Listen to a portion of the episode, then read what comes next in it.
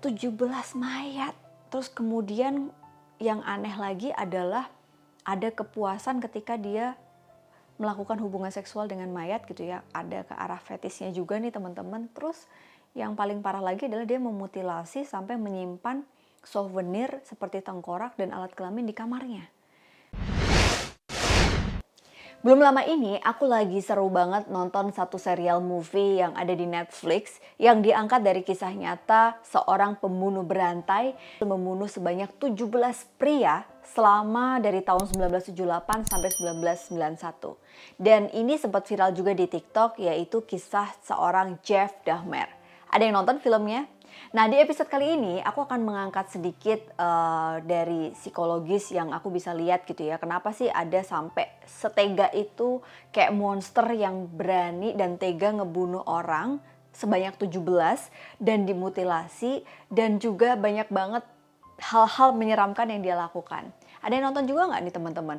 Seorang Jeff Dahmer ini ternyata uh, dia diindikasi mengalami gangguan orientasi seksual atau gay, dia pecinta atau penyuka sesama jenis dan pada saat aku nonton filmnya itu benar-benar nyata banget gitu ya yang dari awal uh, diliatin kisah kecil seorang Jeff Dahmer ini yang memang dia itu tidak mendapatkan figur orang tua yang baik gitu.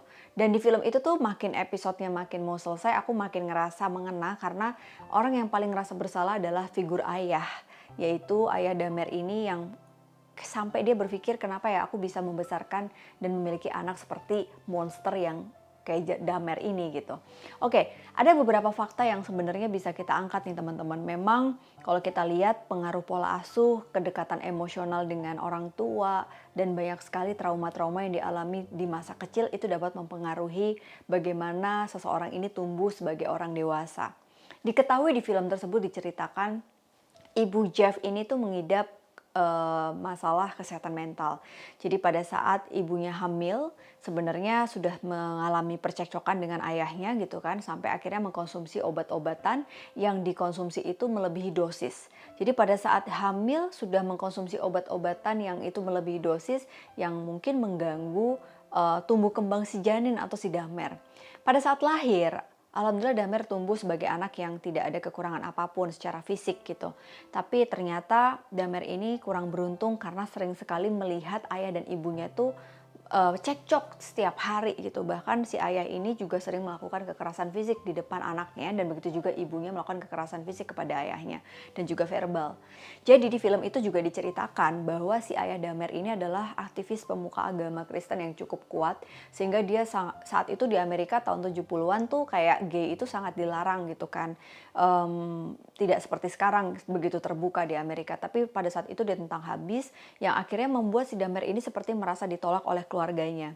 Dan penolakan-penolakan ini membuat Damer tuh merasa iri dengan adiknya yaitu David karena pada saat orang tuanya bercerai, orang tua tuh kayak lebih mikirin David daripada si Damer ini gitu. Dan penolakan ini tuh terjadi lagi pada saat ibunya akhirnya memutuskan untuk pergi meninggalkan Damer dan dia ditinggal sendirian di rumahnya di Los Angeles. Nah pada saat dia sendirian di situlah aksinya mulai dia lakukan ketika dia bertemu dengan pasangan yang pertama kali membuat dia jatuh cinta, awalnya tuh dia nggak bermaksud untuk membunuh si cowok ini gitu. Tapi pada saat dia mengajak hubungan seksual si laki-laki ini tadi, ternyata si cowok ini tuh bukan gay. Nah si cowok ini marah. Nah pada saat si cowok ini marah, si Damer ini merasa penolakannya itu kayak berulang. Dia nggak mau ditolak, dia nggak mau diabaikan karena pengabaian dan penolakan di rumah itu sangat kuat di dalam pengalaman hidup Damer. Nah akhirnya dia melakukan perlawanan dan membuat si orang ini nggak boleh keluar dari kamar Dahmer dia memukul dengan benda yang tajam. Nah ini aku nggak pengen spoiler sih, takutnya belum nonton nanti, ah mbak Ana spoiler banget. Tapi di dalam versi cerita itu korban pertama uh, itu tidak ada niat untuk membunuh. Pada saat dia membunuh, kehilangan yang luar biasa itu justru muncul dari sosok Damer gitu. Dia ngelihat kayak darah di depan dia gitu kan. Terus dia merasa kehilangan, tapi yang aneh lagi Damer ini justru melakukan hubungan seksual dengan mayat yang sudah meninggal tadi karena dia merasa punya power terhadap mayat yang tadi itu yang udah dia bunuh gitu kan. Nah itulah kepuasan fantasi seksual dia yang baru muncul dan pada saat itu ternyata Damer ini tuh kayak melakukannya berulang kali dengan pola yang berbeda. Kalau kita lihat 17 mayat, terus kemudian yang aneh lagi adalah ada kepuasan ketika dia melakukan hubungan seksual dengan mayat gitu ya. Ada ke arah fetisnya juga nih teman-teman. Terus yang paling parah lagi adalah dia memutilasi sampai menyimpan souvenir seperti tengkorak dan alat kelamin di kamarnya. Dan foto-foto korban ini tuh dia kumpulkan, ya kan? Terus habis itu dijadikan sebagai sebuah hal yang dia pegang gitu untuk mengingat pengalaman-pengalaman indah bersama orang-orang yang tadi membuat dia tuh sebenarnya dia sayang sama orang-orang yang dia bunuh ini. Ini benar-benar luar biasa banget teman-teman dan baru terkuak oleh polisi Amerika itu tahun 91. Dan isu rasis itu sangat kuat karena ternyata korban-korban Damer ini tuh justru mereka yang berkulit uh, hitam ya, uh, imigran Afrika gitu banyak banget yang jadi korban dia atau ras Cina yang di mana ketika keluarga ini berusaha untuk bersuara ternyata polisi Amerika ini tidak mendengarkan. Dan akhirnya kasus ini cukup menggemparkan dunia, bahkan filmnya tuh sudah dibuat beberapa seri, tapi film yang paling bagus katanya seri yang Netflix yang aku tonton ini. Jadi kalau teman-teman nonton, nonton deh. Nah, kita nggak ngomongin filmnya ya, aku pengen menganalisa dari sudut pandangku sebagai psikolog. Apa sih yang bisa kita lihat? Ternyata pengalaman masa lalu kita ini sangat berpengaruh besar terhadap bagaimana indikasi kita dalam uh, tumbuh dan berkembang. Kalau kita lihat Damer ini mengalami penolakan sejak dia kecil. Dan kenapa dia juga mengalami penyimpangan seksual?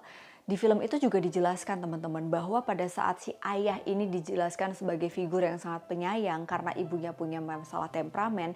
Jadi ayah ini adalah figur yang menurut Damer ini adalah figur yang hangat, yang baik sama dia tapi kasar sama ibunya. Jadi dia merasa tidak mau mencintai perempuan karena ibunya ini tidak ada engagement atau bonding dengan si Damer. Makanya dia lebih memilih pria seolah dia mendapatkan perhatian seperti dia mendapat perhatian ayahnya. Terpukulnya lagi pada saat ayahnya menikah dengan perempuan baru. Akhirnya membuat Damer memutuskan untuk mencari kehidupan sendiri dan dia melakukan pembunuhan berantai itu selama tahun 1978 sampai 1991. Dan dengar cerita katanya 1994 dia meninggal dibunuh oleh sesama narapidana yang ada di penjara. Nah, sekali yang uh, diceritakan di film ini orang tua adalah ayah terutama adalah sosok yang paling merasa bersalah dalam hidup anaknya. Kenapa anakku bisa sampai sejahat monster ini gitu. Nah mungkin teman-teman di sekitar kita mungkin tidak se ekstrim itu. Tapi banyak sekali orang tua yang nggak siap menjadi orang tua sampai akhirnya anak menjadi korban. Yang parah lagi mereka tidak memahami bahwa perilaku sesederhana marah di depan anak itu dapat memberikan sebuah gambaran tentang bagaimana kekerasan di otak anak sehingga pada saat dia tumbuh dewasa bisa jadi dia melakukan hal yang serupa atau bisa jadi dia menganggap hal yang sama. Karena tahu nggak sih bapaknya Damer ini mereka itu melakukan uh, banyak kegiatan bersama tapi yang membuat Damer ini lekat dengan ayahnya adalah pada saat ayahnya mengajak dia melakukan bedah lobotomi. Jadi ayahnya ini aku nggak tahu ya, mungkin kerjaannya memang ngebedah uh, hewan gitu kan. Terus kemudian ternyata Damer tuh kayak menikmati kegiatan itu gitu. Karena yang dia nikmati bukan membedahnya, tapi pada saat dia memiliki bonding, engagement dengan ayahnya. Nah makanya orang tua hati-hati ketika memilih kegiatan bersama anak, ini jangan-jangan kita berpikir anak kita tuh happy karena sesuatu itu, padahal mungkin karena kehadiran kita. Nah Cara membunuh Damer ini persis seperti cara orang tuanya waktu mengajak dia melakukan bedah lobotomi tadi gitu. Dia memutilasi semua mayatnya dan ternyata itu menjadi satu kesenangan tersendiri karena memunculkan pengalaman menarik dengan ayah. Oke, teman-teman di video yang sebelum sebelumnya di analisa channel coba cari deh, aku bahas tentang inner child. Jadi inner child ini memang terdiri dari beberapa luka, wounded. Dan luka-luka ini kalau nggak disadari ternyata bisa jadi adalah sesuatu yang malah justru muncul dari pola asuh keluarga. Nah, apa yang aku pengen sampaikan teman-teman? Belum lama ini juga ada banyak kasus seperti uh, bunuh diri yang ada di uh, Indonesia gitu ya, bahkan nggak cuma satu dua kasus. Dan dari beberapa kasus itu terindikasi bahwa faktor keluarga adalah menjadi alasan terbesar seseorang melakukan bunuh diri. Dia merasa diabaikan, dia merasa seperti Dahmer tadi gitu, dia merasa sendiri sehingga mencari kesenangan dengan cara yang instan dan bahkan beberapa tidak menunjukkan tanda-tanda. Karena kalau lihat Dahmer ini itu kayak nggak nyangka gitu.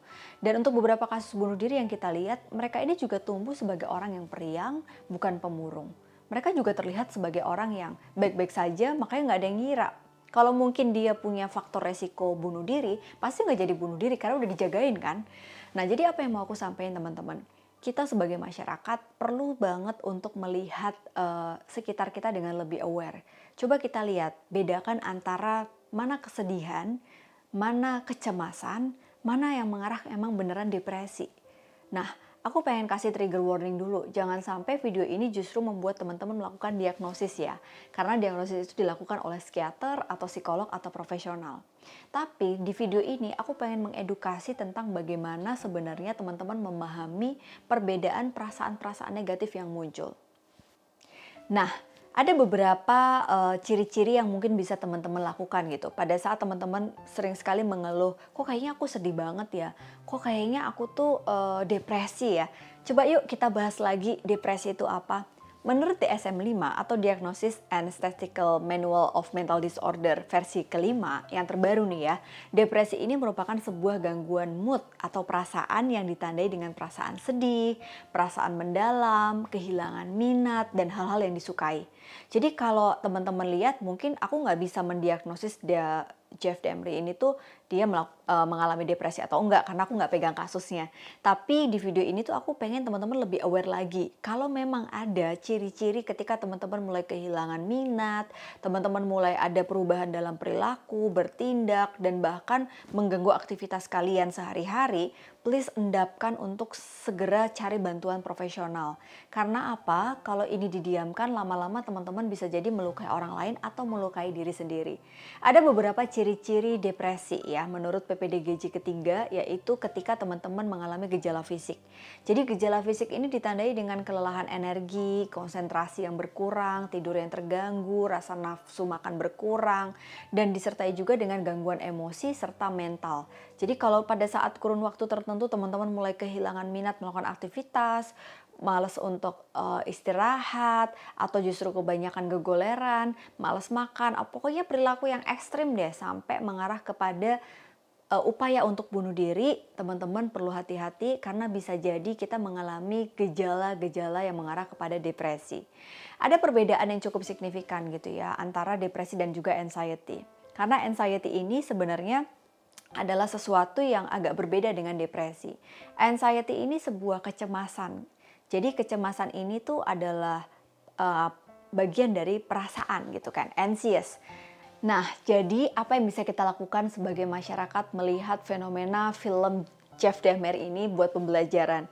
Dan bisa jadi kasus ini bukan hanya di Amerika ya tapi juga ya nggak se ekstrim itu sih jangan sampai kita ketemu ya. Tapi kan kasus mutilasi pembunuhan psikopat juga sering ada di seliveran di berita-berita yang ada di koran kan.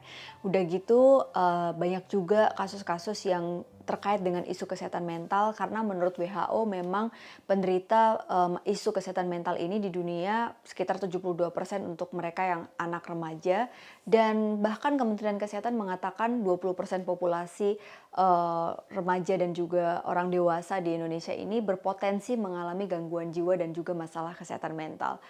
Jadi jangan pernah meremehkan keluhan apa pun terkait dengan isu kesehatan mental yang teman-teman rasakan. Kalau memang kita ngerasa di sekitar kita butuh pertolongan, bantuan profesional, segeralah bantu mereka untuk bawa ke profesional.